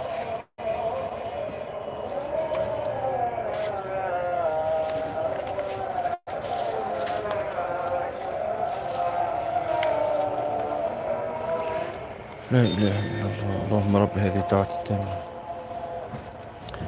الصلاة القائمة. آت سيدنا محمد الوسيلة والفضيلة والدرجة العالية الرفيعة. وابعثه اللهم المقام المحمود الذي وعدته. صل اللهم على سيدنا محمد وعلى آله وصحبه وسلم تسليما كثيرا. قال الشيخ رحمه الله ويستحب أن يقول اللهم لك الحمد كله ولك الكمال كله ولك الجلال كله ولك, ولك التقديس كله. اللهم اغفر لي جميع ما أسلفته وأعصمني فيما بقي. وارزقني عملا صالحا ترضى به عني يا ذا الفضل العظيم. اللهم إني أتشفع إليك بخواص عبادك وأتوسل بك إليك وأسألك أن ترزقني جوامع الخير كله وأن تمن علي بما مننت به على أوليائك وأن تصلح حالي في الآخرة والدنيا يا أرحم الراحمين. ثم قال فصل في الأذكار المستحبة في الدفع من المشعر الحرام إلى منى. قال إذا أسفر الفجر كده ليلة العيد خلصت وطلع إيه فجر يوم النحر. قال إذا أسفر الفجر انصرف من المشعر الحرام متوجها إلى منى وشعاره التلبية والأذكار والدعاء والإكثار من ذلك كله وليحرص على التلبية فهذا آخر زمنها وربما لا يقدر له في عمره تلبية بعدها. ثم قال فصل في الأذكار المستحبة بمنى يوم النحر إذا انصرف من المشعر الحرام ووصل منى يستحب أن يقول الحمد لله الذي بلغنيها سالما معافى. اللهم هذه منى قد أتيتها وأنا عبدك وفي قبضتك. أسألك أن تمن علي بما مننت به على أوليائك. اللهم إني أعوذ بك من الحرمان والمصيبة في ديني يا أرحم الراحمين. فإذا شرع في رمي جمرة العقبة قطع التلبية مع أول حصاة واشتغل بالتكبير فيكبر مع كل حصاة. هو يوم النحر بيرمي كام حصاة؟ يوم النحر يرمي سبع حصيات ج- رمية واحدة جمرة العقبة. ثم أول أيام التشريق يرمي كام حصاة؟ 21 ثلاث ثلاث جمرات. ثم يوم تاني أيام النحر يرمي كم حصاه؟ 21 ثلاث جمرات برضه. يبقى كده رمى كم حصاه؟ 21 21 42 و7 49 هذا المتعجل. هيخلص في يومين ويمشي. فإن تمهل يبقى هيرمي في اليوم الثالث 21 كمان. يبقى كام؟ يبقى 70 يبقى المتعجل يرمي 49 حصاة والمتمهل حيرمي 70 حصاة قال فإذا شرع في رمي جمرة العقبة قطع التلبية مع أول حصاة يشتغل بالتكبير فيكبر مع كل حصاة. ولا يسن له الوقوف ولا يسن الوقوف عندها للدعاء. وإذا كان معه هدي فنحره أو ذبحه. طبعا النحر للإبل والذبح لغير ذلك. للبقر وللغنم يذبح والإبل تنحر. استحب أن يقول عند الذبح والنحر بسم الله والله أكبر. اللهم صل على محمد وعلى آله وسلم. اللهم منك وإليك تقبل مني أو تقبل من فلان إن كان يذبحه عند غيره. وإذا حلق رأسه بعد الذبح فقد استحب بعض علمائنا أن يمسك ناصيته بيده حالة الحلق ويكبر ثلاثا ثم يقول الحمد لله على ما هدانا. الحمد لله على ما أنعم به علينا. اللهم هذه ناصيتي فتقبل مني واغفر لي ذنوبي. اللهم اغفر لي وللمحلقين والمقصرين يا واسع المغفرة. آمين. وإذا فرغ من الحلق كبر وقال الحمد لله الذي قضى عنا نسكنا. اللهم زدنا إيمانا ويقينا وتوفيقا وعونا. واغفر لنا ولآبائنا وأمهاتنا والمسلمين أجمعين. ثم قال فصل في الأذكار المستحبة بمنى في أيام التشريق. روينا في صحيح مسلم عن نبيشة الخير. الهذلي الصحابي رضي الله عنه قال قال رسول الله صلى الله عليه وسلم أيام التشريق أيام أكل وشرب وذكر لله تعالى. فيستحب الإكثار من الأذكار وأفضلها قراءة القرآن. والسنة أن يقف في أيام الرمي كل يوم عند الجمرة الأولى إذا رماها ويستقبل الكعبة ويحمد الله تعالى ويكبره ويهلل ويسبح ويدعو مع حضور القلب وخشوع الجوارح ويمكث كذلك قدر قراءة سورة البقرة. ويفعل في الجمرة الثانية وهي الوسطى كذلك ولا يقف عند الثالثة وهي جمرة العقبة اللي هي الكبرى اللي هي الأقرب إلى مكة. ثم قال فصل في استحباب التكبير والتهليل وغير ذلك بعد انقضاء الحج بالنفر من منى. قال وإذا نفر من منى فقد انقضى حجه ولم يبق ذكر يتعلق بالحج لكنه مسافر فيستحب له التكبير والتهليل والتحميد والتمجيد وغير ذلك من الأذكار المستحبة للمسافرين وسيأتي بيانها إن شاء الله تعالى. وإذا دخل مكة وأراد الاعتمار فعل في عمرته من الأذكار ما يأتي به في الحج من الأمور المشتركة بين الحج والعمرة وهي الإحرام والطواف والسعي والذبح والحلق والله أعلم. ثم قال فصل فيما يقوله إذا شرب ماء زمزم. قال روينا عن جابر رضي الله عنه قال قال رسول الله صلى الله عليه وسلم ماء زمزم لما شرب له. وهذا مما عمل العلماء والأخيار به فشربوه لمطالب لهم جليلة فنالوها. قال العلماء فيستحب لمن شربه للمغفرة أو للشفاء من مرض ونحو ذلك أن يقول عند شربه اللهم إنه بلغني أن رسولك صلى الله عليه وسلم قال ماء زمزم لما شرب له. اللهم إني أشربه لتغفر لي ولتفعل بي كذا وكذا فاغفر لي وافعل. اللهم إني أشربه مستشفيا بي به فاشفني ونحو ذلك. فعايز تشرب زمزم للعلم اللهم إنه بلغني أن نبيك صلى الله عليه وسلم قال ماء زمزم لما شرب له وإني أشربه للعلم فعلمني وإني أشربه للتقوى فارزقنيها وإني أشربه للزواج فزوجني وإني أشربه للشفاء فاشفني وإني أشربه للعمل فارزقني عملا وإني أشربه لل للتيسير فيسر لي وإني أشربه للصحبة فارزقني الصحبة. وهكذا كل واحد وإيه؟ وله أغراض. في الدنيا والآخرة. ثم قال فصل في طواف الوداع ودعاء الملتزم. وإذا أراد الخروج من مكة إلى وطنه طاف للوداع ثم أتى الملتزم فالتزمه ثم قال اللهم البيت بيتك والعبد عبدك وابن عبدك وابن أمتك. حملتني على ما سخرت لي من خلقك حتى سيرتني في بلادك وبلغتني بنعمتك حتى أعنتني على قضاء مناسكك. فإن كنت رضيت عني فازدد عني رضا وإلا فمن الآن قبل أن تنأى عن بيتك داري. هذا أوان انصرافي إن أذنت لي غير مستبدل بك ولا ببيتك. ولا راغب عنك ولا عن بيتك. يعني أنا غصب عني بنصرف والله يا رب أنا ما نفسيش أمشي. بس غصب عني. فكأنك إيه؟ تستأذن وتعتذر. اللهم فاصحبني العافية في بدني. اللهم فأصحبني العافية في بدني. والعصمة في ديني. وأحسن منقلبي وارزقني طاعتك ما أبقيتني واجمع لي خير الآخرة والدنيا إنك على كل شيء قدير. قال ويفتتح هذا الدعاء ويختمه بالثناء على الله سبحانه وتعالى والصلاة على رسول الله صلى الله عليه وسلم كما تقدم في غيره من الدعوات. وإن كانت امرأة حائضا استحب لها أن تقف على باب المسجد وتدعو بهذا الدعاء ثم تنصرف يعني لا تدخل المسجد. ثم قال فصل في زيارة قبر رسول الله صلى الله عليه وسلم وأذكارها اعلم أنه ينبغي لكل من حج أن يتوجه إلى زيارة رسول الله صلى الله عليه وسلم سواء كان ذلك طريقه أو لم يكن. يعني لو أنت ساكن ناحية إيه إيه الشام مثلا وكده فأنت إيه؟ ومصر وبتاع فأنت طبيعي في طريقك هتمر على المدينة. طب لو أنت ساكن ناحية اليمن ناحية الجنوب بقى آه، أو ما بعدها يعني استراليا طريق طريق رحلتك ما فيهوش زيارة المدينة لا روح زور المدينة يعني تحرك شمالا إلى المدينة ثم بعد ذلك توجه شرقا أو غربا حيث شئت. قال فإن زيارته صلى الله عليه وعلى آله وصحبه وسلم من أهم القربات صلوا عليه. صلى الله عليه وسلم من أهم القربات وأربح المساعي وأفضل الطلبات فإذا توجه للزيارة أكثر من الصلاة عليه صلى الله عليه وسلم في طريقه.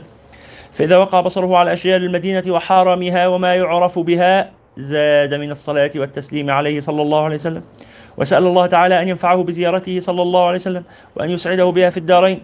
وليقل اللهم افتح علي أبواب رحمتك وارزقني في زيارة نبيك صلى الله عليه وسلم ما رزقته أولياءك وأهل طاعتك. واغفر لي وارحمني يا خير مسؤول. وإذا أراد دخول المسجد استحب أن يقول ما يقوله عند دخول باقي المساجد وقد قدمناه في أول الكتاب. فإذا صلى تحية المسجد أتى القبر الكريم فاستقبله واستدبر القبلة على نحو أربع أذرع من جدار القبر وسلم مقتصدا لا يرفع صوته فيقول السلام عليك يا رسول الله. لقول الله تعالى لا ترفعوا أصواتكم. إن الذين يغضون أصواتهم عند رسول الله أولئك الذين امتحن الله قلوبهم للتقوى فتخفض صوتك. السلام عليك يا رسول الله. السلام عليك يا خيرة الله من خلقه لكن تخفض صوتك مش معناها إيه؟ تحرك شفايفك بلا صوت. لا ليس هذا. تتكلم. سلام عادي. كأنك دخلت عليه حيا صلى الله عليه وسلم وهو حي في قبره.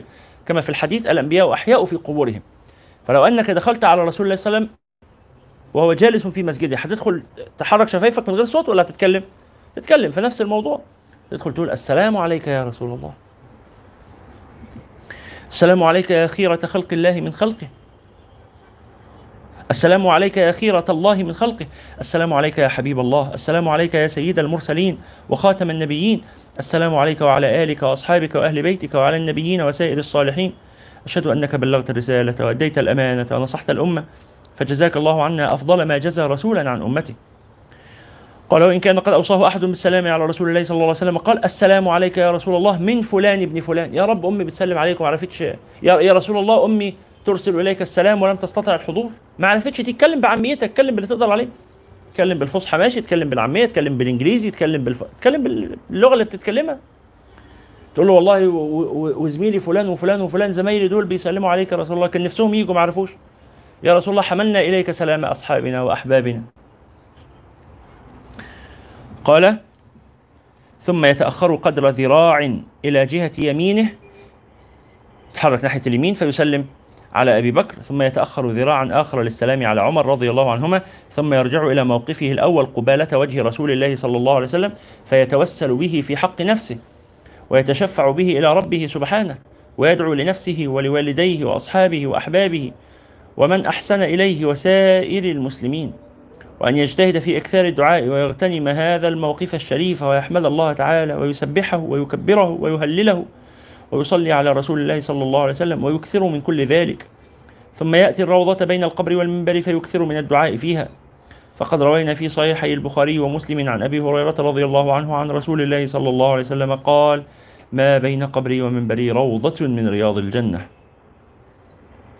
قال وإذا أراد الخروج من المدينة والسفر استحب أن يودع المسجد بركعتين ويدعو بما أحب ثم يأتي القبر فيسلم كما سلم أولا ويعيد الدعاء ويودع النبي صلى الله عليه وسلم ويقول اللهم لا تجعل هذا آخر العهد بحرم رسولك صلى الله عليه وسلم ويسر لي العودة إلى الحرمين ويسر لي العودة إلى الحرمين سبيلا سهلة بمنك وفضلك وارزقني العفو والعافية في الدنيا والآخرة وردنا سالمين غانمين وردنا سالمين غانمين إلى أوطاننا. آمنين. وردنا سالمين غانمين إلى أوطاننا. آمنين. فهذا آخر ما وفقني الله بجمعه من أذكار الحج وهي وإن كان فيها بعض الطول بالنسبة إلى هذا الكتاب فهي مختصرة بالنسبة إلى ما نحفظه فيه. الله الكريم نسأل أن يوفقنا لطاعته وأن يجمع بيننا وبين إخواننا في دار كرامته. آمين. وقد أوضحت في كتاب المناسك ما يتعلق بهذه الأذكار من التتمات والفروع والزيادات والله أعلم بالصواب وله الحمد والنعمة والتوفيق والعصمة. وعن العتبي قال كنت جالسا عند قبر النبي صلى الله عليه وسلم فجاء أعرابي فقال السلام عليك يا رسول الله. سمعت الله تعالى يقول ولو أنهم إذ ظلموا أنفسهم جاءوك فاستغفروا الله فاستغفروا الله واستغفر لهم الرسول لوجدوا الله توابا رحيما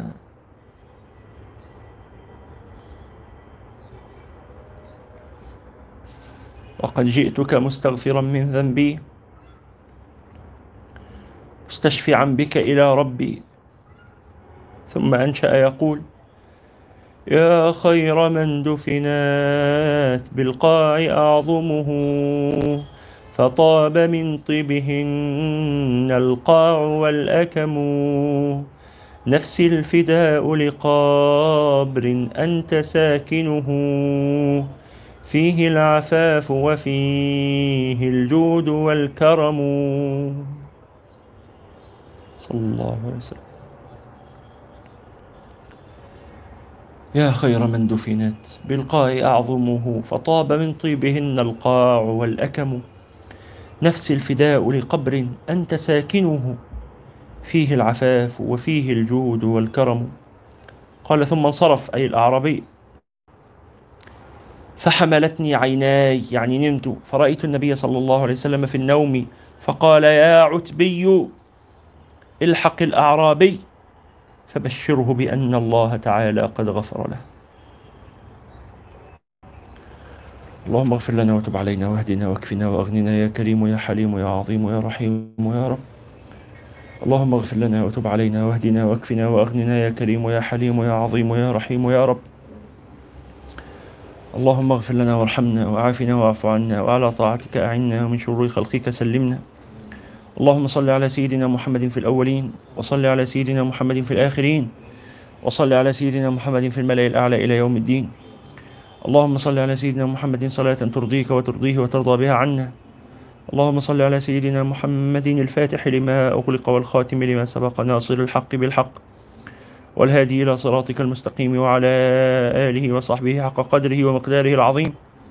اللهم صل على سيدنا محمد الذي تنحل به العقد وتنفرج به الكرب وتقضى به الحوائج وتنال به الرغائب وحسن الخواتيم واستسقى الغمام بوجهه الكريم وعلى آله وصحبه في كل لمحة ونفس بعدد كل معلوم لك يا كريم.